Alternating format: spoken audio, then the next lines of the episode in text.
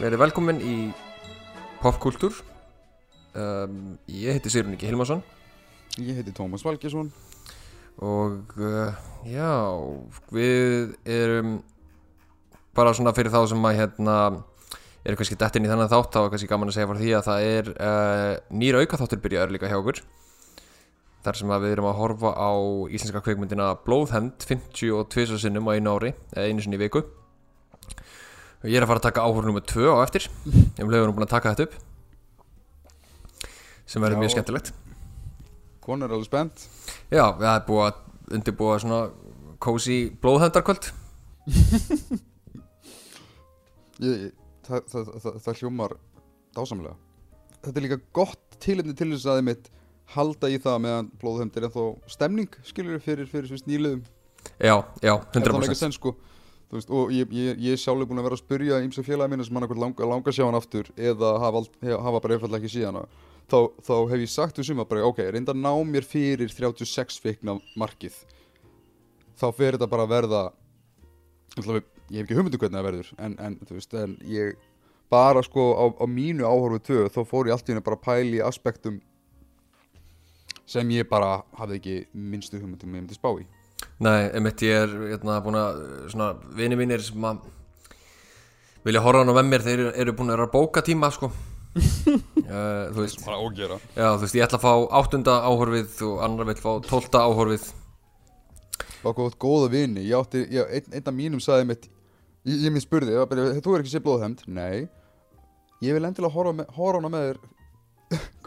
49. skipti Já, bara, ég, ég vil bara sjá ljósið yfirgefa líkamæðin og meðan myndin er að spilast. Já, já, já.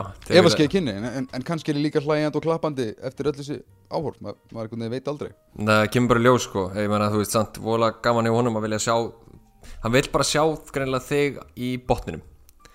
Já, uh, Alveg botninum á tilhörni já, það, það, það, það er alveg nefnilega svolítið ég væri örglega í sömu stöðu sko. ég er bara svona, já vektu mig þegar komin á Howard Hughes endan og farin að pissa í krukkur. Já, já, já. Og komin svolítið way out there. En, en ég sérst, já, þess að fara of ítal út í blóðhemd, þannig að það er ekki svo við gerum það ekki annar staðar. En mér langar bara að skjóta því mjög stuttin að hérna já, vi- það er sérst, félagi minn kom með rosalega gott take sem ég hlakka til að explora í næsta blóðhemdu þætti, sem basically bara já, bara, bara frá sínu fyrsta vjúi, hann, hann, hann, hann, fókus á einhvern mjög vissan narratív punkt í myndinni sem ég bara, ég hafði ekki hugmyndum og það verið gaman að, að, að kíkja á það Já, við erum ennþá á þeim stað sko uh, þar sem að við erum tilbúinir til að ræða myndina uh, ekki í sérþættinum heldur líka hérna í, í almennilega popkultúrstættinum Já, Það er ekki. ekki. Nei. Það er ekki að fara að gerast held ég á, á næstu vikum sko þegar við erum komin í djúpt inn í þetta. Nei, til lengri tíma þá verður aðal þáttunni raunni útrásin eða í raunni flottin Já. já. um, En hérna sem ég ætla að segja þér er að mig tóldi að ræða um einn ákveðin mann í dag. Uh, Það er alltaf sem að mig langar að tala um. Ég veit að þú ert með eitthvað annað líka. En uh, þessi maður heitir Jod Apatow Og Særi Abatov. Já, er það ekki rétt eða? Er ég alltaf að segja þetta vittlust? uh, Sko, ég hugsa alltaf eins og íslenska orðið Abatá og þannig hef ég einhvern veginn alltaf lesið þetta og heyrt, heyrt, heyrt nafn hans getið þannig sko. Já, ég meina ég með þetta fyrir fram mig og það, það, það, er tvöfalt af í nafninu Hefur alltaf verið, ég veit ekki okkur ég sitt F þarna sko. Það fer allt eftir hvernig Siri ber það fram. Já maður er orðin svo uh, þú veist það er komin svona þá, samt á tími í, í lífunni hjá manni þar sem maður byrjar að segja hlutina með íslenskum hreim í staðin fyrir að hérna staðin fyrir að fá kjánu og hratt svona yfir því þegar fólk er að segja já ég sá hérna vindina Becoming Mary. Og, og, svona, já Hæ? skil það. Uh, en á hérna yngra ánum var maður kannski oh, hún heitir sko Becoming Mary uh, Já, þannig að þú ert svona slowly að slæta í mitt, hérna, já, ég sá þetta Titanic. Já. hún var skemmtileg. Já, það er svona hægt rólega með hvernig deginum er ég að nálgast það. Ég sá Titanic aftur. Það er, það er sko Titanic. Já, já, já, emitt Titanic. En ég meina sumir eru Killian Murphy Killian Murphy megin í lífinu, aðrir eru Cillian Murphy Þannig að þú veist. Það minnir mig á hérna eitt besta skets sem að fósbræður hafa nokkuð að gert eh, það sem að Jón Gnarr er alveg vissum að hérna Anthony Hopkins hafi leikið í The Plumber No, no, no, Mr. Hopkins. You were in The Plumber. Það er bara fullkomni íslenski reymurinn og allt er bara, mm, þetta er geggjaði blandari uh, En já, Judd Apatow, sko málið ástæða fyrir því ég langar til að tala um Apatow Apatow er að gæinn er stórmerkilegur. Hann hefur komið þú veist, við sögu í heila öllum stæðstu grínmyndum eftir árið 2000 og Árið, árið 2000, wow já, sem er, sem er, sem er risa stórt þú veist, að því að hérna við erum að tala um það að það var náttúrulega þessi tími þar sem að basically bara allar myndir sem komu í bíó, eða grínmyndir sem komu í bíó voru Apatow myndir og Já, var alltaf já, þú veist, þá vorum við að tala um sko, þú veist, Bridesmaids sá með hana, þú veist, Funny People hérna, Forgetting Sarah Marshall Step Brothers, Superbad, Knocked Up 40 Year Old Virgin, Talladega Nights þú veist, ég get haldið áfram uh, og þú veist ég man að ég allavega, þú veist, ég er hægt rálega að byrja að lendi til svona Apatow þreytu. Gruna fastlega að þú hefur örugglega lendið í líka. Og og ég held að flestir aðrir hafi líka lendið í sko, því að myndunar hægtur og að þú veist, hann byrjaði svona aðeins að draga sjálfa sig frá og, og það var alltaf líka sami vinahópurinn í myndunum hans já, já. En hérna, og, og hver og einn átt að fara svona að bransa út einhvers staðar annar staðar. Það er mynd svo fyndið við að fylgjast með eins og Knocked Up sem er önnur myndin hans í fullri og jú, sem hann, sem hann leikstýrir já já, sem að leikstyrir og minnir hann að skrifað. Það er náttúrulega mjög frjáls, frjálslagt að segja til um hvernig myndirnar hans eru skrifaðar því að þú finnur bara þetta eru spunatökur nánast. Þetta er bara hver er, hver er narratífan svona þetta er svo leggja brandar á minni þú veist ekki hvað er fara að gerast en þú fyllir svo í einna með hvernig þetta gerist og orðaleikin og allt þetta. En ég menna bara það sko með Up ertu með þar ertu með Seth Rogen og þar ertu með Jason Segel þar ertu með uh, Jonah Hill uh, meiri segja uh, Martin Starr hann er svo sem ekki leading man en allavega basically þarna sérður unni þetta er bara skólinn þetta, þetta er basically bara first class fyrir Apatow og gæjana og allir eiginlega fóru svona að bransa út í sínar áttir. Seth Rogen var ekkert eitthvað séðu sem eitthvað mikið svona leading man eftir 40 Year Old Virgin en Up var svona hans séns. Mér fáir sá fyrir sér Jason Segel sem leading man en ég meina að hann fekk sinn séns í gegnum Apatow sem framleitið þá Forgetting Sarah Marshall sem einmitt Jason Segel skrifaði. Og eiginlega svolítið koll á kolli og ég meina þú, þú fylgir sérst, og sérstaklega að þú fylgist með þessu í setni tíð hjá Apatow að það er svolítið eins og hann hugsi ok, ég hef gert allt sem ég get gert. Ja, hvað, hvað grínast það getið núna fengið til þess að vera, vera hann eða hún sjálf? Og bara gert svolítið kvikmynd um það. Og þá hugsaði til dæmis svo Trainwreck það sem hann hugsaði, heyrðu, fleira fólk þarf að vita hver Amy Schumer er. Ég ætla að gera mynd bara um Amy Schumer það sem hún fær að vera bara ófylltur Amy Schumer. Ég hef ekki séð King of Staten Island en mér skilst hún gerir mjög svipað fyrir. Akkurat hérna fokkrínist sem ég ekki mitt namn á. Mjög umdeldur Já. já, sem að er í Saturday Night Live. Hann hérna uh, Ó, hann Pete hérna- Davidson. Pete Davidson, já. 9-11 gangan, akkurat. Já. En uh, skemmsti frá því að segja að ég býst við að allavega að Apatow sé mjög að öllu útlítandi næskur og mjög góður networkar við vinni sína og mjög góður í að svolítið svona fisku talent ef svo má segja. Já, klálega og líka sko það er það sem að vekur oft spurninguna eða hefur vakið spurningu hjá mér er sko um, af hverju eða hvernig er allt þetta fólk þú veist í myndunum allir þessi stóru sem að við einhvern veginn bara erum að sjá aftur og aftur og aftur þú veist, hvar byrjaði þetta og, og hvar, hvernig var þetta svona risa vaksi batteri, hvernig var hann orðið bara náttúrulega eigi framlýslu fyrirtæki um, og þetta er nefnilega tólið skemmtileg baksaga. Sko, hann er fættur í New York ríki. Sjokkar. sjokk, algjör sjokkar. Hann er fættur 1967 uh, skilnaðabann og hann segir sjálfur að hann hafi hérna hann var eiginlega gæinn sem var aldrei valinn hér, fyrstur í íþróttum.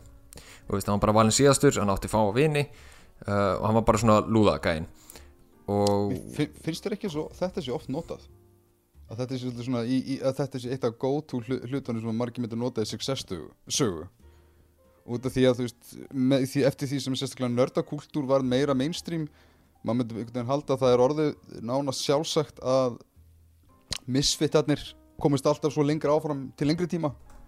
Já, þannig að Já. bara, bara, bara, svona, svona fyndið side point svona þegar pæli í því. Já, líka sko að því að það spila líka inn í, inn í þetta dæmi að hérna á þeim tíma þar sem hann í rauninni hafði ekkert eh, sko til að koma sér á framfæri einhvern veginn í þessu, þú veist, í íþróttadæminu hann var ekkert fræg, eða vinsætl í skólanum og hann var ekkert að, að hann sögn persónulega var, fannst hann ekkert myndalegur en þannig þannig að þú veist, sjálfströsti var ekkert ólega gott.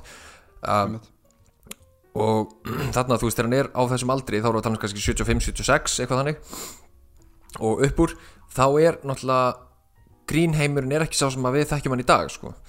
uh, hann er bara rosalega, rosalega lítill. Jerry Seinfeld er ekki orðin stór veist, þeir sem eru vinsælir eru kannski Steve Martin og svona. Tonight Show er eini staðurinn fyrir einhvern grínist að koma sér á framfæri. Veist, það er náttúrulega mjög frægt hjá þessu fólki að ef þú fegst, ef þú fegst slott hjá uh, Johnny Carson og hann, hann bauð þér að koma á sófan sinn eftir að þú varst búið með stand-up-eðitt þá varstu búin að slá í gegn. Ef hann bauð þér ekki að koma að sittast á sófan þegar þú varst búinn þá varst átt Vá hvað ég þarf að kynna mér hverjir voru í discard pælinu þar. Það er bara amazing. Það er, ég man að ég hlustaði einhvern tímann á podcast hérna, sem að Conan O'Brien, hann var að tala við einhvern sem er mjög frægur í dag grínisti og hann lendi mitt í nei, þú mátt ekki koma í sófan þetta er, þetta er svona, þú veist, þetta er svo fyndið að hugsa til sko að, að grínheimurinn þá hafi verið það lítill að þetta var eina sem var almennlega í bóði mín eh, svona, mi- minn skilningur á þessu var oftast þannig að basically ef þú varst ekki einmitt í spjallþátt að stjó, svona, stjóra senunni þá var það basically bara í, í hvað bandaríkja var það, þetta er basically bara Saturday Night Live. Það er bara gatewayið þitt, bara draumur flestra grínista og grínara, gamanleikara nefndu það, var alltaf þetta gateway, ef, ef ég næ Saturday Night Live þá, þá rignir tilbúðum ef ég stend mig vel þar, ef þú fattu hvað ég er að fara. Já. þá gastu svo verið ráðin í sitcoms eða þá varstu komin á radarinn hér og þar og allstaðar, whatever.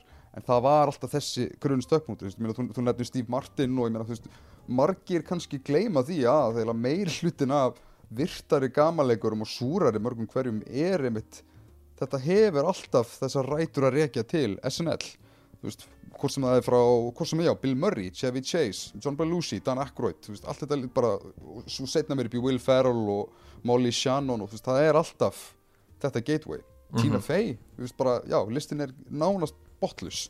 Já, það er eiginlega bara svona tveir sem að mér dettur í hug strax sko, sem að voru ekki beint Saturday Night Live meðlumir uh, Ben Stiller var það ekki því hann hætti eftir sex þætti og fór að hérna búa til sín eigin þætti sem að ég mun aðeins ræða um meira á eftir Mm, Og- og svo- spennandi. og svo hérna og svo Jim Carrey hann var, hann var í Color of Purple Nei, nei, Living nei Colour. Living Color ég Hann var alls ekki, alls ekki í Color of Purple Ég sá það mjög oft. Það, það var úrslega gaman. Ég, ég fílaði það í tætlur þegar ég var krakki. Já, hann var líka, hérna, minnir, hann var eini hvíti meðlumurinn í því Mm -hmm.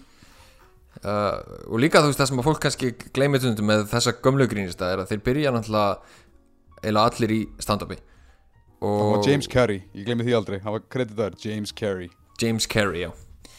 Uh, En þeir byrja í stand-upi og svo endaðir, þú veist, er náttúrulega alltaf annarkvort að fara í sitcom á, þú veist, 100 þætti plus, syndication og, og endur þessum penning eða fara í bíómyndir. En hérna, þú veist, sem er Steve Martin allir svona, og, og Eddie Murphy líka þú veist, allir þekki nú svona þessum, þessum léttu grínmyndum sem vola gaman af. En stand-upið er að náttúrulega þín tíma var náttúrulega brautriðandi og gróft og, og allt svona. Já, en svo náttúrulega bara, þú veist, einhvern veginn fara þeir inn í bara svona cogwheel af Hollywood og eru bara breyttir yfir í, þú veist seljanlega vöru sem að er næs fyrir fjölskyldur og, og bla bla bla. Uh, og breytist náttúrulega mjög mikið með Job Apatow að því að hann fer beint í bara aftur í R-rated hard grínmyndir það sem að ekkert subject er touchy og það, það er kannski sáum það náttúrulega ekki vola mikið sko á svona 90s tímbilin var kannski meira, þú veist, 80s-70s grínmyndir sem að gætu verið heldur gróar. Svo var þetta einhvern veginn allt bara PG eða PG-13 svo kemur Apatow-lestin og það er bara farið aftur í hardcore raunch efni. Já, sko, hann, hann nefnilega, það var geðveitt sóknarfæri fyrir hann vegna þess að þarna gata tekið með þennan veraldlega kvestaslega rons sem í rauninni var fram að þessu, sérstaklega með allar að tala um 90s tíman, var mestmægnis bara tappaður og, og afgreitur af Simpsons og South Park. Já, og svona Seinfeld í einhverju mæli skilur en, en basically touchy subjectin voru í, svona PG-13 levelinu. Og, og, og sérstaklega áður en Apatow er bara fulli komin til að vera þá var R-rated grínmyndin basically hvert American Pie rip-offið á eftir annari já það það, var bara þetta þetta var bara svona sex-fueled grínmyndir. Já. sem voru líka og eruðu mjög hratt, mjög þreyttar sko. Fólk heldur að, að Hollywood hafi bara alveg í hel kóperað allt sem heitir Shared Universe eða Marvel heiminn. Guð mig góður hvað þetta var skelvilega oversaturated tími þar sem það var alltaf verið að leitast eftir næstu American Pie. Já. og það dísast hvað er komið í bílförmum mann ég bara. Um, en ef ég held aðeins áfram með hérna Abató, hvernig hann uh, byrjaði þetta allt saman uh, sagt, hann er skilin Abat og mamma hans vinnur í, á klúb stand-up klúb og hann er alltaf það ungur, hann er þarna bara þú veist, um 13-14 eða eitthvað að hann fer alltaf til hennar í vinnuna og er, hjá henni eitthvað eins og börn gera. Og þar sér hann alltaf þessa stand-up gæja sem er að koma og, og, vera með grín og bla bla og byrja bara að heitlast rosalega mikið þessum heimi og hugsa hérna þú veist, ég get ekki, ég veit það að ég er ekki góður í íþróttum. Ég er ekki góður í þessu, þessu, þessu. En grín þetta, ég get orðið góður í þessu. Ég veit, ég veit það, fólk hefur sagt við mig að ég sé fyndin og hérna þetta er bara það sem ég ætla að gera. Og ég ætla bara að stefna ótröður á það. Uh, og 17 ára gammal þá fekk hann sér vinnu á öðrum klúb, öðrum en mamma hans var að vinna á sem bara uppvaskari. Og hérna og reyndi svona að fá sér gigg þar og aðeins að koma sér inn í, í, í bransan.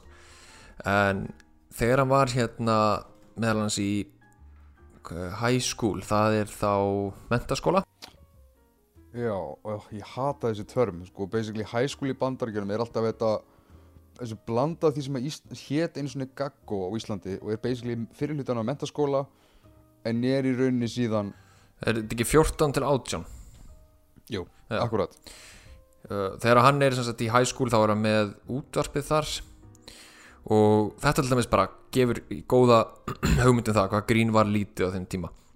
Hann er með útastátt uh, sem hann segir að hafi bara basically ekki farið fyrir utan lóðina á skólanum. Bara í tíðinni þá, já, nice. Veist, það er basically bara enginn að hlusta á þetta nema krakkanir en hann tekur viðtöl við hérna, við Steve Martin uh, Jerry Seinfeld og fleiri og fleiri. Þú veist, hann bara, hann, og hvernig, hvernig hann þessu? Já, hann ringir í fólkið, hann bókstælega bara ringir í Jerry og ringir í publicistin hjá Steve Martin og, og, og fleiri hérna nöfnum sem ég bara, ég er ekki með þetta fyrir fram mig en ég bara, þetta eru ókslega mörg nöfn. Ofur framleiðin strax bara komin hana Já, og, og þarna hann að þetta var ekkert mál að því að þetta fólk var ekkert svona frægt skilur, þú veist þetta voru bara stand-up gæjar. Þú veist, þeir eru bara að fara á milli klúpa og, og, og gera hitt og þetta. Það, það er ekkert mál að ná í þá þessum tíma. Og já, já, þú veist, að sjálfsög ég skal spjalla við í 20-30 mínútur bara ekkert mál. Um, svo hérna þegar hann byrjar í stand-up senunni þá hittir hann hinn á þessa meðal annars hérna Paul Feig já, sem að leikstýrir svo setna meir Bridesmaids og bjóð til handritið fyrir þátt sem heitir Freaks and Geeks.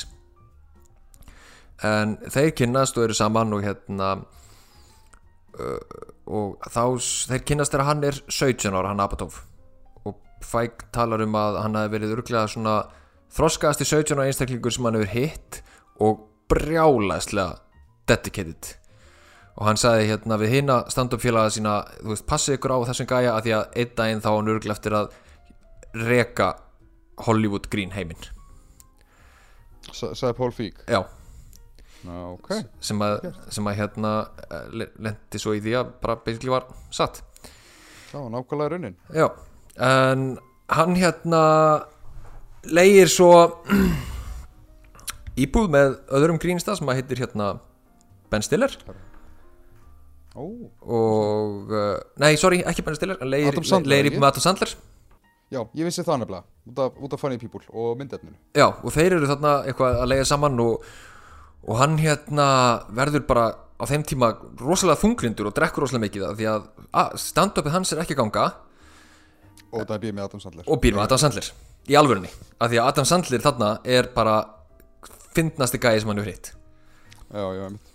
En hann hérna samt sem aður þú veist hann hættir ekki og hann fyrir að vinna í hinn og þessu og, og fyrir að búa til hérna uh, vinna sem framleiðandi hér og þar svona til að koma sér inn fyrir að vinna fyrir við Tom Arnold þann gæja gerir special með honum og eitthvað svona og er bara alltaf mikið svona hér og þar bak við þetta framleiða þú veist hjálpa við að framleiða þennan special og hjálpa við að framleiða þennan special og, og hérna kynnist Gary Shandling sk sk skrifar, skrifar með honum Grammy uh, velunin sem að Gary Shandling er, er að koma með.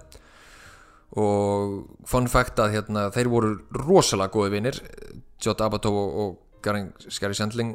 Og Apatow skrifaði bókumann þegar hann lést í fyrra, Ó. eða hitt fyrra. Ok, ok. Sem að er rauninni svona brot af bæði dagbókinni hans Shandling og uh, hérna svona texta frá Apatow. En Shandling kemur með ráð til hans sem á eftir að basically hafa áhrif á allt sem hann gerir. Og það er að þegar þú ert að skrifa grín skrifaðu svona út frá manneskjón svona, Já. þannig að þú, þú ert ekki að leggja áherslu á fyndnar aðstæður eða þú veist eitthvað, eitthvað einhver að fá kúlu í hausin eða eitthvað bla bla heldur skrifaðu virkilega aðteklisverðar personur, gefðu þeim góðan tíma og legðu áherslu á það. Og það er náttúrulega bara 100% það sem við sjáum svo í gegnum alla fyrirlinas Já, því meður endar eru myndirna stundum allt og langar. Al, alveg bara by far allt og langar. En hann heldur áfram þú veist að skrifa og hjálpa þessu hann gerir Larry Sanders show með Larry Sanders og eitthvað svona. En svo kynnist hann Ben Stiller fyrir utan hérna Metslake surprise, surprise. Ok, já, á og þeir fara svo saman hvað sérum? Þetta, er svona ultimate Hollywood meet cutið Það er alltaf það að fara að kærubaltaleg Já, bara hey, what are you doing here? Uh, og þeir sem sagt fara svo saman og gera Ben Stiller show. Uh, að því að Ben Stiller, hann fór í Saturday Night Live gerði sex þætti, hugsaði, heyrðu, ég ætla bara að búti mitt eigið efni. Og hefur þú séð Ben Stiller show? Ég séð búdóri. Ok, Ég ég, ég, í minningunum var það gott sko. Já, ég hérna ég hef hort á alla seríuna, ég tók einu sinni smá svona Apatow svona áhorf á, á gamla dótunas Mhm. og Stiller show er, er mjög gott. Einað sem er slæmt við það er að hérna, Andy Dick er í stór hluturki það er í bókstaflega eina sem er pyrrandi við þetta þetta, ó, þetta er svona, það er fátt sem hverfur mig aftur til 90s tíma seldur að heyra nafni Eddie Dick já, gæinn. Hann var, hann var allstaðar hann, hann var svona ultimate karakterleikarinn í, í gríni eða vildi fá eitthvað nöttaran nöttaralega kókus og hann er líka bara nöttari og kókós gæinn, nákvæmlega ógislu maður. En hérna þeir gera eina séri að þessu. Hann fær Emmy-velun fyrir skrifin sín í, í þáttunum, hann Joe Dabatow eini maðurinn sem fær Emmy fyrir þess að þætti. Uh, svo hérna er hann að vinna fyrir Dreamworks í bara hinn og þessu, þú veist hann er áfram bara að framlega gera hitt og þetta. Og sem er þá væntilega ný farið af stað. Dreamworks sem bara byrjaði hvað sent í, nei að byrja svona, ég ætla ekki að hvað mið til late 90s Já, þetta er, þú veist, þarna er þetta um þetta er bara um 98 eitthvað þannig, 98, 99 sem að hérna hann er að vinna fyrir Dreamworks og markmið hans var alltaf samt að vera stand-up gæi uh, en hann bara ákvaða að taka akkurat að pólinn og ráðast í sem sagt það að vera framleiðandi eða handrutsöndur, hjálpa hinum á þessum til þess að koma sér inn í stand-up heiminn hann er að taka öfuga leið. Í stæðan fyrir að byrja í stand-up og færa sig yfir kvikmyndir þá fór hann í kvikmyndir til að fara í stand-up.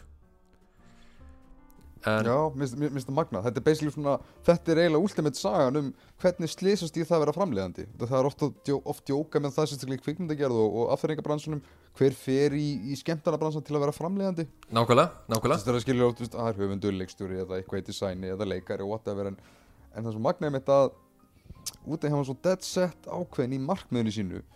Og hann hefur greinilega bara svona pikkað það upp uh, svona í, í, í, í gegnum leiðina.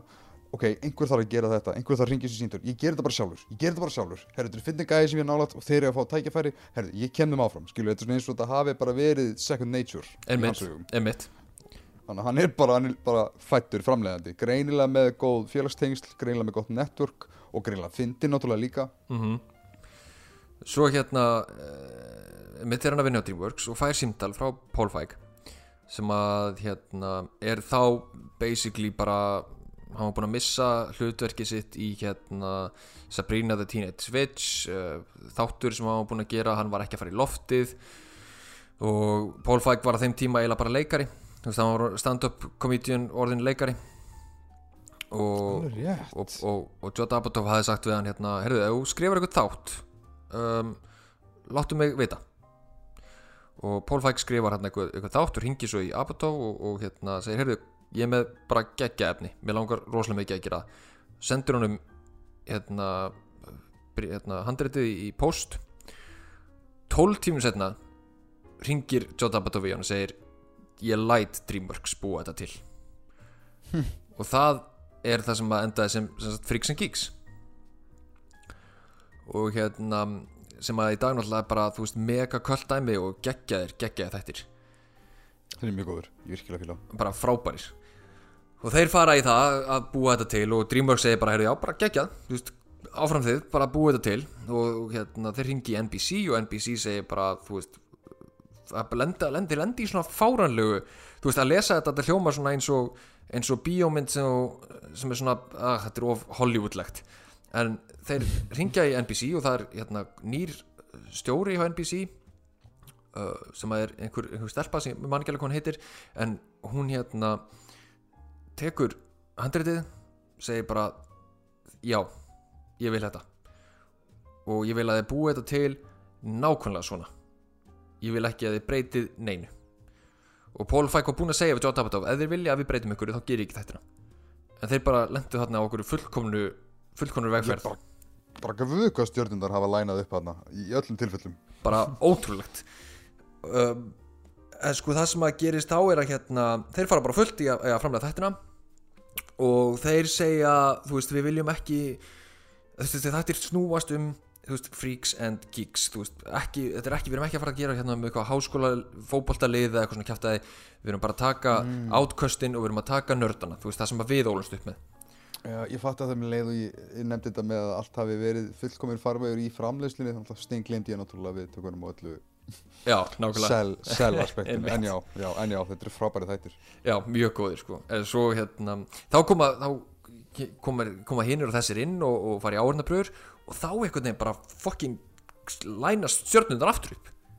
Þú veist, innlappar Seth Rogen innlappar James Franco innlappar hérna, Jason Segel innlappar hérna Jay Baruchel já, Jay Baruchel og innlappar hún hérna hún Linda Cardellini Cardellini.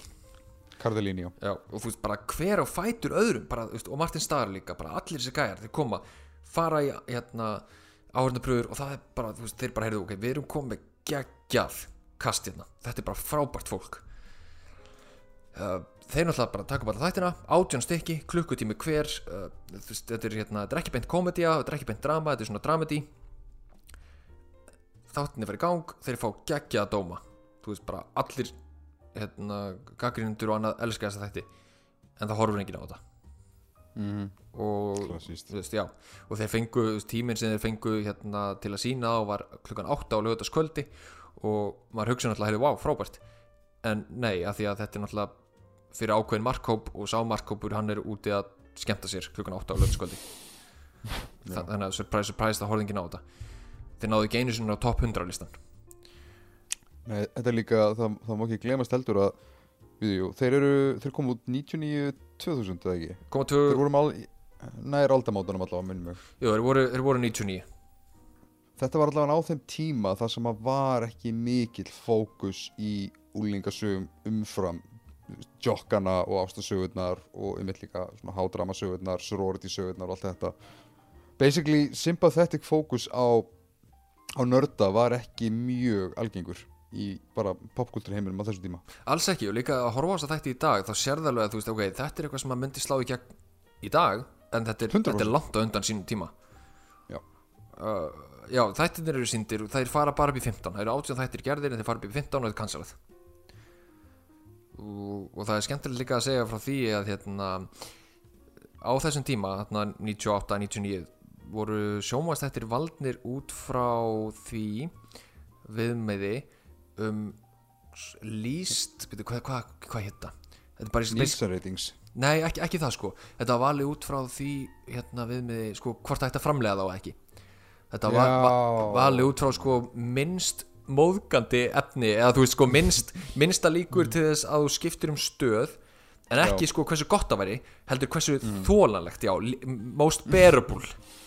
Þannig að þeir voru ekki beint, það var ekki verið að spá í hvort því sem þetta gott efni í sjónvarpið heldur bara, þú veist, bara rétt svo þannig að fólk fari ekki á aðra sjónvarstöð Þetta er eiginlega ekki það ósipað og, og til dæmis Netflix gerir í dag með því að flexa vinsaldum á okkur en bara eitthvað, sérðu, þetta er vinsalasta þingi á streymiðurum alveg víða um heiminn.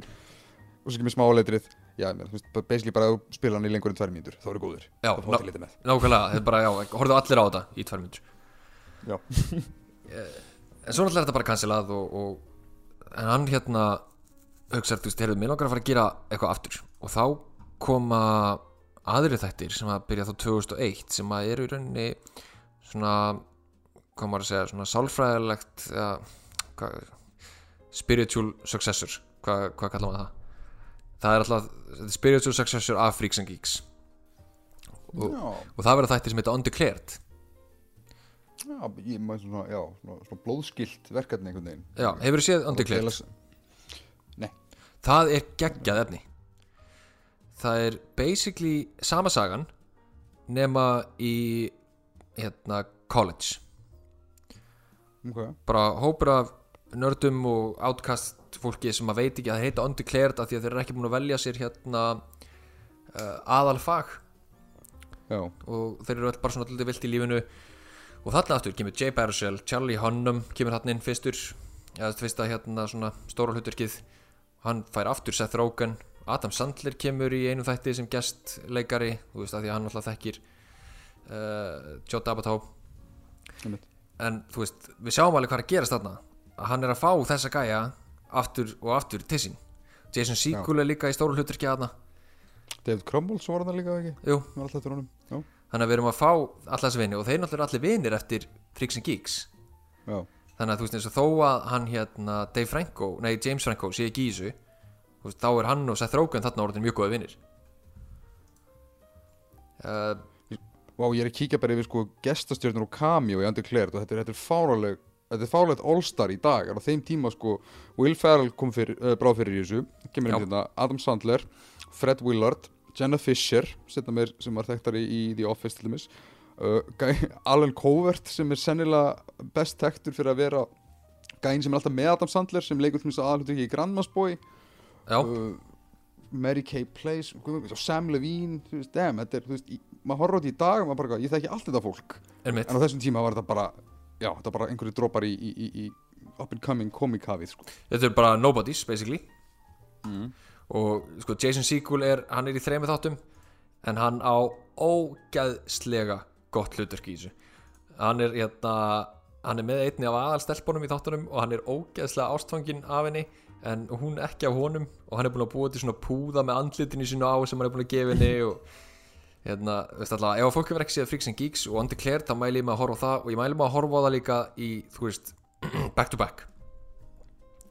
Að því að það er eiga svo margt sammeilegt ég, ég er svo mikið fór að horfa á Undeclared maður. Ég bara, þetta er styrlað þegar sko Undeclared er líka, þetta eru bara 20 mínútur þættir hver og þeir eru aðeins meira svona haha á meðan Freaks and Geeks er, þú veist aðeins meira svona, já þetta er mjög fyndið en þetta er líka, þú veist, það er líka drama í þessu. En svo einhvern mjög veginn svona, mjög svona happy sad súsætt já, svo einhvern veginn bara, þú veist heldur bara boltin áfram að rúlla og hann bara gengur svo vel og hann einhvern veginn fær aldrei almennilega að fara í stand-upi sitt sem hann ætlaði alltaf að gera. Þú veist, hann bara framleiðir meira. Hann er búin að kynnast Will Ferrell og, og hérna uh, og Adam McKay og hvað gerist þá? Já, já, hann fyrir að framleiðir hérna uh, Anchorman. Þú veist, já, býr hana til. Hann fyrir að framleiða Kicking and Screaming líka. Og svo hugsaður hann, ok, veistu, ég er búin að framleiða allt þetta dót, best að fara að leikstýra einhverju og og, og þarna má ekki stíga yfir það heldur að það var ekki sjálfsæð hlutur að þú gerðir uh, grínmynd með Will Ferrell árið 2003-04 það var ekki örugt að það var að fara að slá í gegn. Ef eitthvað stúdíunum voru skítrætt við Will Ferrell þegar hann var á upphafsskrifunum það algjörlega var yfirleitt og ég meina, þú veist, þú hefur lesið til og með svo söguna af Elf og það er ekki, það var bara allir, bara hvert sem er nema þennan gæja.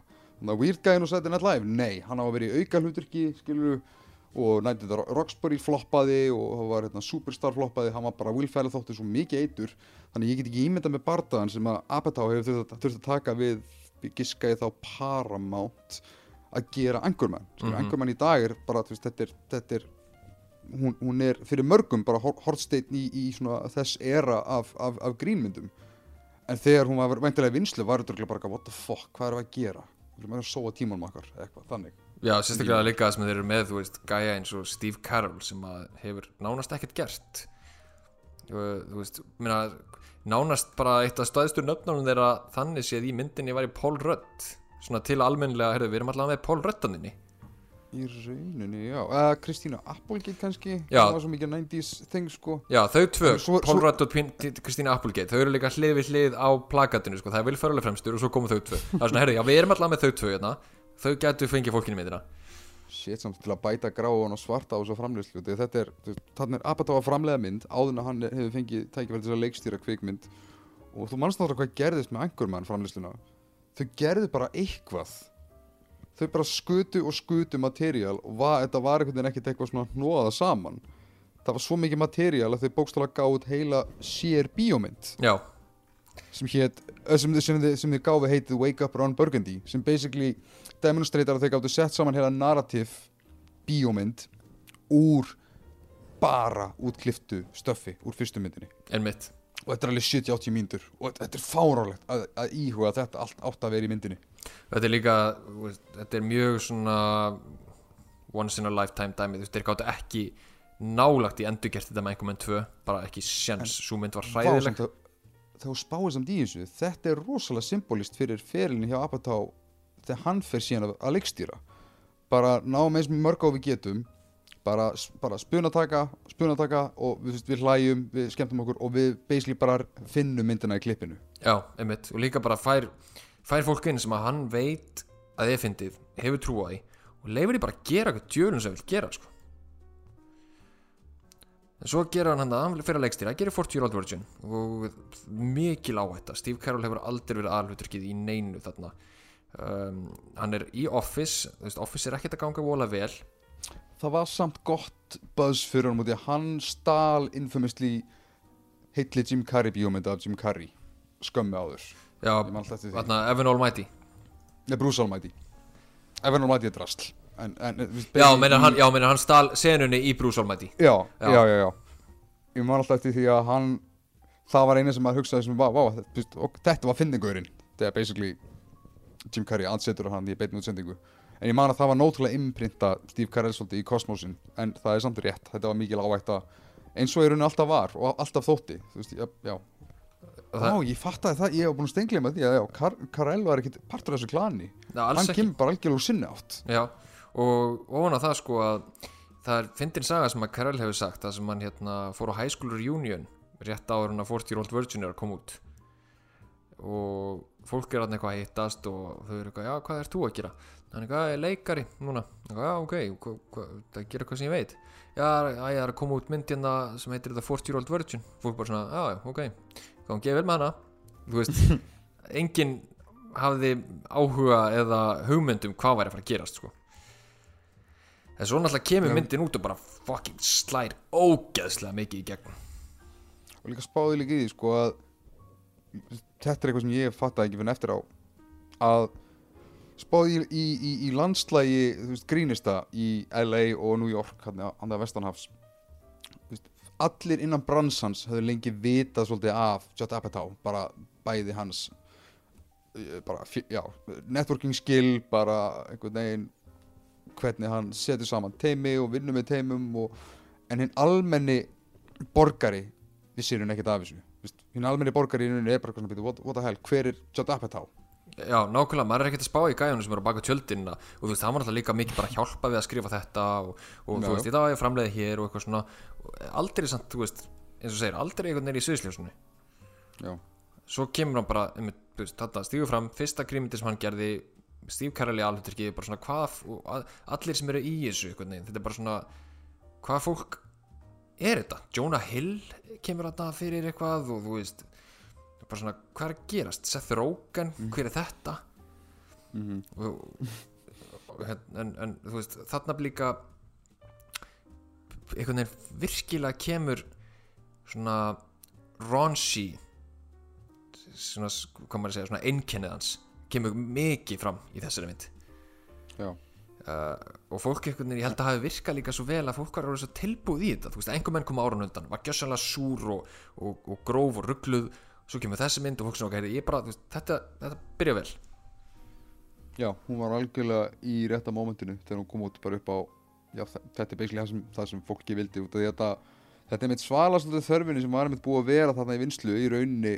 Ég ætla ekki endilega að segja sem að American Pie kom aftur á stað í, í 90s en hún definitely gaf því veist, kjartanokkursprengju og svo fór það að drattast í svo mikið gimmick. Og ég get ímyndað mér um þetta 40 Year Old Virgin og bara allt þetta appadátæmi hafi virkað sem svona gott meðal við Forst Ronshið vegna þess að hann eins og, eins og áður kom núna fram hann vildi alltaf gera myndir um fólk. Og það sem hann spáði sérstaklega í er jú, jú, þú getur haft myndina eins eins flippaða, eins Ronshi eins auðlega og þú vilt um að hafa kartina þína eins miklum fáitum en þegar upp í staðið myndin snýst um fólk, ekki brandarna þeirra. Þú þarft að skrifa brandarna í kringum fólki eða, veist, hann, er, hann er alltaf mjög mikið hann er, hann er mjög mikið alltaf að lobbya fyrir það að aðurinni það þurfa að vera eitthvað meira. Myndin má ekki bara vera farsi eins og þú veist for, 40 year old virgin, þú veist, hún snýst fyrst og fremst um mann sem er komin að færtusaldur og hefur bara aldrei stundu kynlíf. Og þú veist, hann er í þessum vinahóp sem er að þrýsta á hann og hann veit ekki alveg hvað hann á að gera í lífinu og, og þú veist, beint í byrja, byrja sem svona lift up pitch mynd og byrja sem svona gimmick mynd. Svo verður bara heill setni klukkutíman af henni bara frekar einhvern veginn svona likeable romcom og mjög óvenjuleg sem slík. Já, algjörlega. Og það er mitt, þú veist, komum við í rauninni næstinn á að, þú veist, næsta myndina sem Knocked Up sem er bara aldrei hafði Seth Rogen verið aðalhutverkið í einhverju bíómynd. Uh, Catherine Heigl og Paul Rudd og hún líka bara saga um tvær manneskjur sem að hérna óvart eignust bann eða þú veist, urðu ólétt. Já, einkornans Leslie Mann þau voru já, hva, hvað hafa þau verið lengi saman? Svo svona gegnum öll þessi ævindir þau voru definitíli saman þegar Fortlir Virgin kom út það var 2005 Ég held að þau hafi kynst, ég ég, ég skjóta, ég er að googla þetta en ég held að þau hafi kynst eftir 95 Joseph the Jungle ok. Um, en við sjáum það bara hérna. Þau eru búin að, Já, giftust 97 hittust 96 á, já, það hittust á settin á Cable Guy því að Jota Apatow hjálpaði við að skrifa Cable Guy. Já, auðvitað. Áhverð uh, svo einhvern veginn eins og segi þú veist, þetta, sagan er, sem að mér langar að segja er eiginlega búin af því að hérna frá er þetta dóldir endurtekning, þú veist, hann bara veist, býr til aðra og aðra og aðra mynd hann hjálpar Seth Rogen við að búa til Superbad og í rauninni Seth Rogen var búin að hugsa, herðu, mér langar að gera þessu Superbad mynd, við skrifum hana, ég og, og félagi minn Evan Goldberg, þegar við vorum unglingar við erum búin að vinna eins í henni síðan þá en hérna, við langar eiginlega bara að, þú veist, framleiðar eða eitthvað og einhver annar tekur við en hérna, hann er alltaf góður að peppa vinninu sinna, já. Já, Joe Dabdo segir, heyrðu, nei, ok, jú, gerum þetta en þú ert ekki að fara að vera í baksætinu. Þú veist, við erum að, þú ert að fara að leika hérna eitt af hluturkonum og hann þá sagði bara, veist, já, ok, ég skal þá tek ég bara lögguna að það. Því að Seth Rogen ætlaði ekki að vera í myndinni sjálfur, sko. Var það ekki þannig? Var það ekki að hann ætlaði fyrst að vera Jonah Hill hluturkið Svo bara var handritur svo lengi á hakanum með eitthvað, þetta var svona típist einmitt svona Jó, að þú passion veist, project. já, að þú veist, þegar að var komin sá tími, þú veist, myndi kemur náttúrulega 27, náttúrulega Seth Rogen og nú gamall en þegar að þeir eru að byrja framleiðslu þá ætlaði Jonah, nei, þá vildi Seth Rogen ekkert vera í myndinni sjálfur, sko. Það finna það er, mér minnir að Jonah Hill sé ekkert mikið yngri heldur en Seth Rogen En Jonah Hill lukkar samt eins og hann gæti verið aldurinn sem hann á að stemma fyrir sem high school Já, krakki sko. Já, ég meina Jonah Hill og Seth Rogen hafði verið í gömlu myndunum hans Apatows áður bæði, sko, Seth Rogen er fættur 82 og Jonah Hill er fættur 83 Það Já, er ok, bara það, það minn- minnir í bjóstuð en, en, en, en það er eitt sem ég þarf að leiða þetta var þetta það að saga eins í búin vegna þess að við megum alls ekki líta fram hjá því að Apatow fekk, lo- fekk loksins fucking uppistandið sitt. Já, já, það er rétt, ég reyndar, já, hann fekk loksins upp í standi sitt, hann fekk Necklace Special eftir öll þessi ár. Og það er það er, það er óslega gott í þessum samingi sko. Þá, Veist, ég, hef ekki- hort á uppistandið, mér finnst bara gott að hann hefði hvaða liggur mikið á bakvið það þegar þú spáir í því núna. Já, því að hann hérna, hann, ég horfði á það, það var ekkert eitthvað, mér fannst ekkert vola fyndið en mér fannst samt gaman að horfa það og þar tók hann einmitt fram, veist, hann er búin að vera 25 ár að reyna að fara inn í stand-up og það hefur ekkert gengið og nú loksins fær hann að standa á sviði og vera með stand-up. Það er líka ein önnur trillt saga af Apatow frumkvæði sem ég finnst vera all-timer ég veit ekki hversu víða þekkt hún er en þú hefur væntalega séð Lonely Island myndina Popstar Never Stop, Never Stopping Að sjálfsög, ekki. Uh, Ertu var við, uh, við leini cameoið hjá Apatow í þeirri mynd? Nei, Ok, þá ætla ég að fræða þig og þetta finnst mér, þetta er priceless. Apatow segir á einhverjum tímpúndi allavega þegar hann er, þegar hann er spurður út í þetta eða í rauninni þegar hann, þegar hann segir frá þessu vegna þess að uh, til þess að setja þetta í rétt samingi Andy Samberg leik, leikur náttúrulega bara svolítið, svolítið svona douche tónlistamann já, basically bara svona, bara, bara svona gæði sem kom úr bóibandi og segir fokk ykkur ég ætla að vera solo og er basically bara hálfviti. Já, og það er moment í myndin þar sem hann setur minn bara í einhverju limmu og það, hann er bara umkringdur aðdándum, umkringdur bara grúpjum, eldirhellum og nefnda svo kemur einmitt bara fólk svona upp að glerunni á bílum hans byrjar að heimta einmitt bara, þú veist, að, árita tótuna mínar, nenni að gera þetta. Svo kemur alltaf nakin maður sem byrjar með að árita á sér titlingin mhm, og rúðan rúlar niður og hann sænar titlingin á honum. Þetta er Judd Apatow í alvöru. Hann sagði, ég mun ekki líta svona vel, líka mun, mun bara líta verr og verr út með hverju líðandi ári með langar fá mína nektarsunu. Jason er búinn að gera þetta, allir hinn, bara, þú veist, þetta er orðið það algengt, flestir vita hvernig titlingun og James Franco lítur út, ég vil gera þetta og hann er aldrei með feysi í ramma. En þetta, já, hann, hann basically Var þetta ekki þannig að, var, þetta ekki þannig að hann klesti limin á Jú. sér við rúðuna á bílum? Jú, þetta er, þetta er, þetta er alveg, þetta er alveg juicy taka sko og, og að horfa á þetta í dag með þessu með, með þessari vitnesku þú sér hann er alveg að leika með neðri helmingu sínu sko Það er eitthvað, af hverju ætlur hún finnist svona rosalega fyndið að láta vini sína vera nakta eða setja tippi í random ramma? Af því að þetta er í, þetta er í hérna Forgetting Sarah Marshall og þetta er í Dewey Cox líka, allavega í extended útgáfinni. já, já, Þar situr hérna, situr hann J.C. Riley, nei, J.C. John C. Riley inn í hótelherbyggi, er í símanum og það er allt umkringt nöktu fólki og svo allt í hennu kemur einhver gæi inn í ramman og sést ekki alltaf hann, sést bara í tippa á hann og hann er eitthvað, hey, Dewey, you want eitthvað, some food? Hann er eitthvað, "Ah, no thanks, ok, fair kemur aftur í ramman og Já. það er bara tippa á hann aftur já, Eitthvað, já, hey. já, já, já Dewey, there's someone asking for you og þeir voru bara í ramma það ekki Jú. Eða, veist, það, það, það var ekki andlit í ramma Nei, bara að, því að hann satt á gólfinu þá var henni, sko, já, andlitið hans John C. Reilly var í svona cirka bát sömu hæð og tippið sem var alltaf komin í ramma var það bara í extended cutinu, mér myndi svo að það að vera í bíó en það er geggjað, mér finnst það frábær sena sko.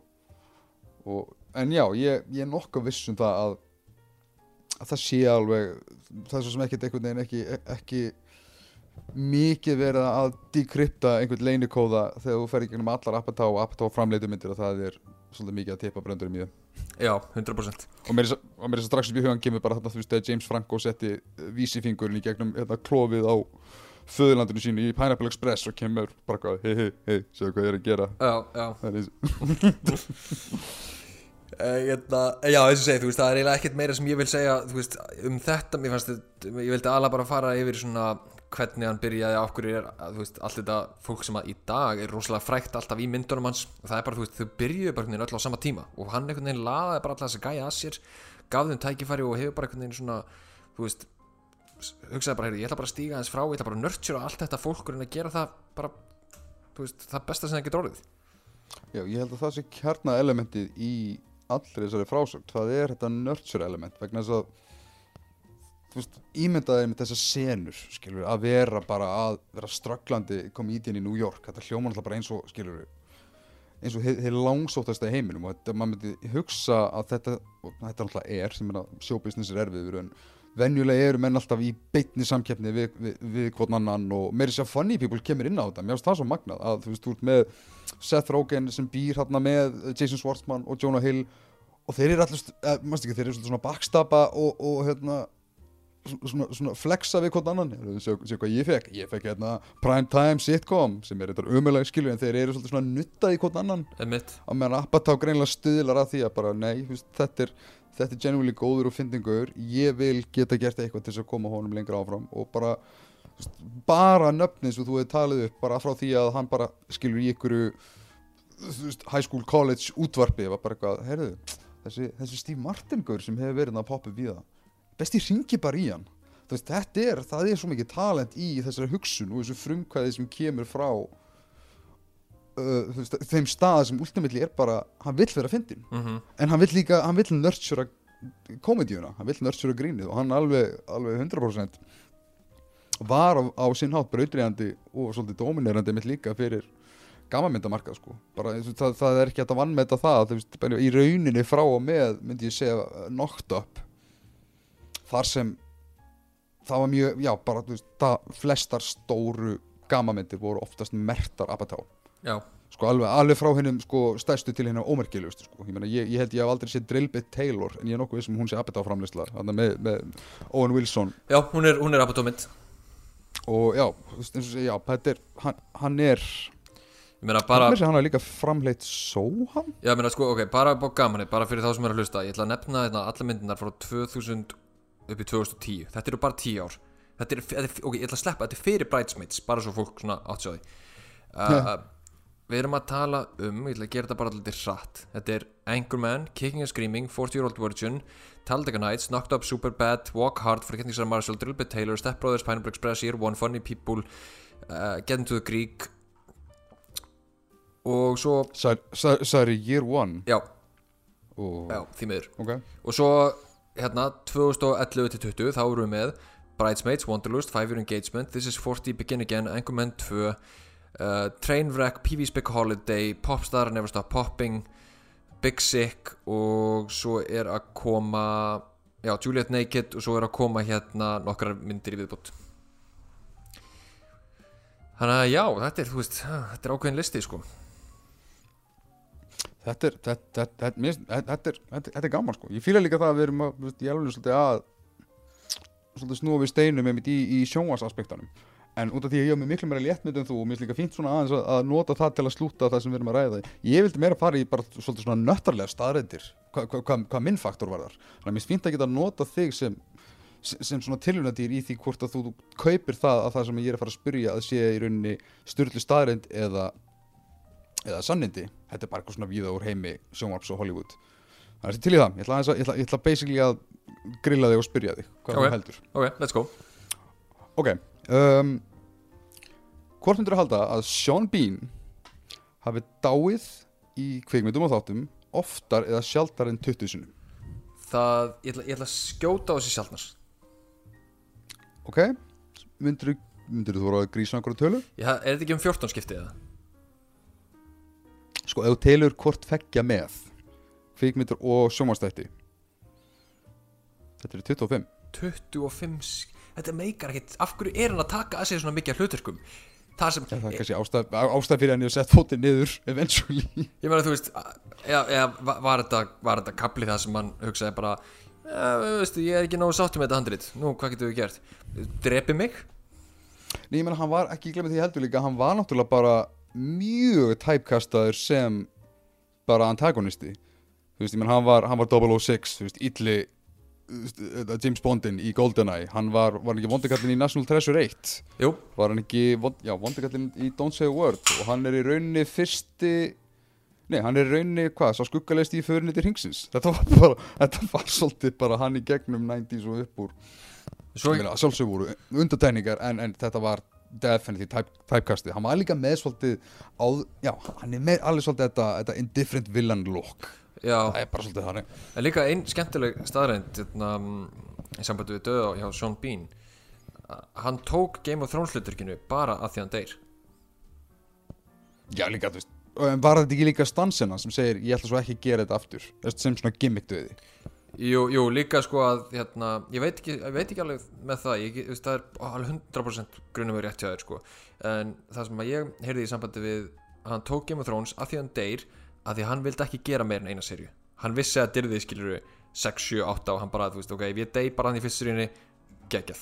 Þú veist, mér langar að gera eina seríu en ég er ekki tilbúin til að skuldbinda mig um meira.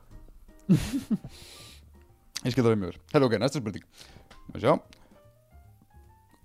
Frá og með árinu 1974 Myndur þú segja já eða nei ef ég segi Kristoffer Walken hefur leikið í kvikmynd á hverju einustu ári frá þessu ári Já Já, ég ætla að segja já Ég ætla að segja er að í hver... Já, ég ætla að segja meiri sér stundum 2-3 ári sko. Já, já, nei, það, það, það, er, það er algjörlega utan skilið sko. Þetta er basically bara, myndur, þú skjóta á það að hann er búin að vera virkur allavega í einni bíómynd eða- Já, í- já, í, já þa- þarna umræði bíómynd. Í einni bíómynd á hverju ári frá þessu. Samt, þetta er svo ógeðslega mikið, 74 Sem 1974, já. Vá, þetta er þetta í Þetta er þetta í 50 ár sko. Hmm, vá. Ok, nei, ég er ekki sannfæður lengur ég, Nei, Það er eitt ár sem er undantekning. Það er 2010 Það er fyrsta árið síðan 74 þar sem hann byrtist ekki í einni bíómynd og þá var hann sérst búin að brjóta 36 ára consistency Jésús Kristur maður. Það er svolítið magnað. Það er svolítið magnað. Ok, satt eða ósatt, uh, örsnögt hérna. Johnny Depp var fyrstur sem kom til greina fyrir Jack Sparrow. Ósatt. Vistu hver var fyrstur sem kom til greina til að leika Jack Sparrow? Ég er búinn að gleyma því en minnir að það hefur verið hræðileg hugmynd.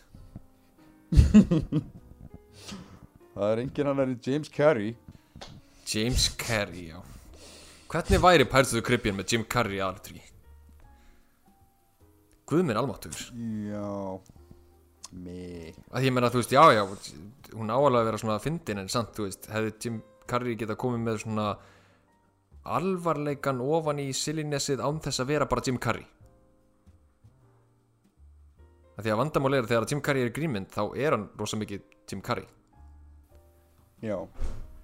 Að það er, Það er, ég, ég, held, að það sé líka svolítið, svolítið trade-offið sko, en þess að þú veist það sýnir líka svo mikið í tilfelli Pirates of the Caribbean 1 út af, þú veist, og notabene sko, það er nánast mynd í heilan það er mynd, nánast efni í heilan auka þátt út af fyrir sig sko, að Disney hafði enga trú á Pirates of the Caribbean þeim held í rauninu þau væri bara að kveikja í peningum. Og það að einhver hafi hugsað sko, já, þetta er þetta star power mentality Herðu, fáum Jim Carrey, hann er fyndin, hann getur örgulega, uh, þú veist, fyllt upp í handritið, skilur við, þetta er, er lélegt handrit, við þurfum að gera það fyndið. Að menn enginn er að fara að búast við því að Johnny Depp er að fara að, já, spinna sig í gegnum bara e e eitthvað crazy. á með, já, einmitt, á meðan að, að hérna, Johnny Depp bókstallega glifti karakterinn og, og, og loka staðrinda spurning, ég veit ekki okkur mér datt þetta í hugum, ég finnst bara, bara eitthvað að nefna þetta, það er, það getur þú nefnt hvaða Fast and Furious mynd það var sem að Vin Diesel var sannfærður um ætti sens Óskarsvölunin í flokki bestu myndar. Hver af þeim átta Fast and Furious myndum var hann svo naglharður um að ætti sens? Sko, minnir að, er þetta ekki Fast 5 eða 6? ég ætla að segja 5, Fast 5 Mm, ég myndi eiginlega giska á það sama en raunin er Furious 7 og ég held ástæðan fyrir hæpinu og peppinans er örugglega af emotional ástæðu. Já, af því að hann, hérna, hann lést. Já líka bara skilur Furious 7 allavega þegar hún kom út hún var svolítið þekkt fyrir það að þetta var svona ekki að segja þekkt fyrir það en ég heyrði allavega mjög oft í kosmosinu þegar myndi kom út þessum svona þegar það hefur alltaf verið þessi helvitis um að kallmenn er ekki mikið í því að fella tár já, og maður heyri alltaf bara eitthvað svona ég græti ekki í myndum en sko en að þetta er kvöttustandandi lokin og, og mér líður svolítið svona eins og, eins og Vin Diesel sé stundum einhvers konar ant queen fyrir svona hópa það sem að ef Vin Diesel segir sér lagi gráta yfir þessu þá gráta hinnir yfir þessu. Þetta er bara væl þetta er alltaf lagistrákar ég er að segja ykkur það þetta er, þetta er, subtle. Finnst að rammin það er svo styrlað að hann hafi haldið að þetta er í Óskarsvöluna mynd samt. En, en ég ætla en já, Ég ég vil alls ekki tefja, tefja þig frá blóðhend. Já, ég er með eina, ég er með eina skemmtilega staðrind varðandi að þú ert að nefna uh, Fast and Furious seríuna. Ég veit ekki hvort að, Ok. ég veit ekki hvort að fólk hérna, þú veist, ég held að sumir verði bara svona uh, móðgæðir yfir þessu, ég veit það ekki en ég hef ekki séð 1, 2, 3 og 4 Vá, það er svolítið hef bara 1, 2, 3 og 4 Já, ég hef bara hort á 5, 6, 7 Ég eftir að horfa á 8 Mér finnst 5, 6 og 7 geggjar finnst það sér mjög skemmtilegar Ég fíla þær Þannig að þú í rauninni slýsast í þetta þegar það fór að vera allt talað að þetta væri ekki slæmt. Ég sko, þú sannfærir mig að fara á Fast 5 Ég var Ég hef, ég hef öruglega verið einhver stað með grafið smáleitur um Já, en þú, þú verður eiginlega svolítið að þóla minnst okkur tvær af hinum. En, en, en, en kútos fyrir að segja fokkið sko eins og að hinnar eru alltaf drasl Já, Fast and Furious 4 er hvaða mynd aftur? Fast and Furious. Fast and Furious, já. Ég, emitt, ég horfði ekki á hana En sko, ég reyndi að horfa Ég, ég, ég, ég segi það, ég reyndi að horfa fyrstu myndina Áður en að því ég var búin að ákveða Ok, ég ætla að fara á Fast Five.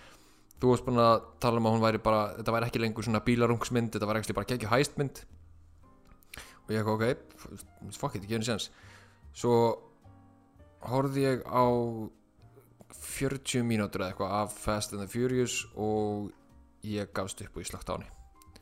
Nummer fjögur? Nei, fyrstu myndinni Já, The Fast, Furious. and, já, the Fast and the Furious Ég, ég gafst upp Hún er að, ros- Ég bara.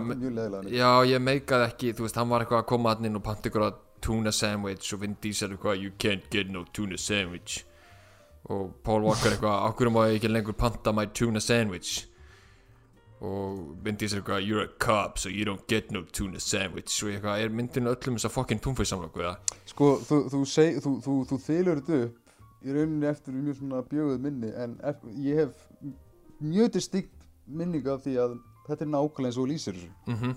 Ég man þetta rosalega mikið bara svona, svona pósur og törflex. Hei, hvað ert þú að gera hérna? Ná, svona, veistu ekki, þetta er mín búla ah, free country. Eskilu, svona, þessi, þessi ógeislegi uh, machismo attitúti sem ég fannst breytast meiri í parodi eftir því sem ég le leið á myndinar en mér fannst það alltaf að hafa meiri húmor fyrir því. En guð mig góður mitt já, þessar fyrstu myndir mér finnst það oft hverfa fram í fólki hvað þeir tóku sig alvarlega. Basically þegar þú upplifir uh, sábóperu drama-elementin sem voru svona inn á milli í sérstaklega fyrst eins og Fast Five, 6 og 7 já, ímyndar það sem er ríkjandi faktorinn í, í fyrri myndunum. Já, því að í og, og, og, og göturreiðnar og bíkinni klættu konundar er kannski svona kannski svona 15% af því sem borgar inn á. Emmitt, að, að því að sko í, í dag í, í Hazard-seríunni Fast and Furious, þú veist, upp úr 5 og upp úr þar er þetta, þú veist, it's all about family. Mér finnst það að vera eiginlega bara svona eins og sé smá joke. Þú veist, þetta er bara svona, herri, já, setjum smá hérna, setjum smá svona touchy subject inn eitthvað, þú ert rosa hrifin af fjölskylduninni bara því að við þurfum, þurfum að hafa einhvern söguþráð á milli þess sem við skemmum bíla og rænum hlutum annarkvort þetta djókur hjá öllum sem koma að myndunum nema Vin Diesel. Eða þetta er eitthvað sem hann sem prodúser ákvaða mæta alltaf með á fundum bara hey guys, it's about it's, it's, it's, a found family. It's about, oh my god, hashtag family. Og, og jakkafatta gæðin allir bara svona já, já, já, já, já, mhm, mhm. Að Því að svo er þess að fyndið, svo er trailerin fyrir Fast 9 Já, ní, F9 F9 F9 F9 F9. F9 Það er trailerin eitthvað You're always talking about John Cena, you're always talking about family But you left your brother behind. Ég bara, ok, þeir eru farnir full circle. Já, ég er strax búinn að veðja hálfan handlegg upp á það að, að bróðurinn verði góður undir lokin. Já, já, hann, hann, er, hann er að joina crewið, sko.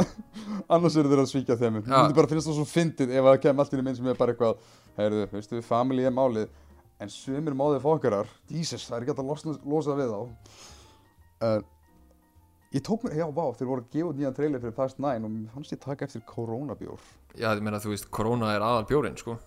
Þú veist, það er bara, það, er Corona og family, sko. Ég vissi það, ég mér varst bara magnað að það er actually eitthvað sem helst áfram. Ég held að Corona sé, ég held að þeir hafi aldrei verið jafn sáttir við auglýsingu á æfinni Í, hvað, mynd 1 eða 2 eða 3 eða eitthvað, ég sé þessa klipp bara á YouTube.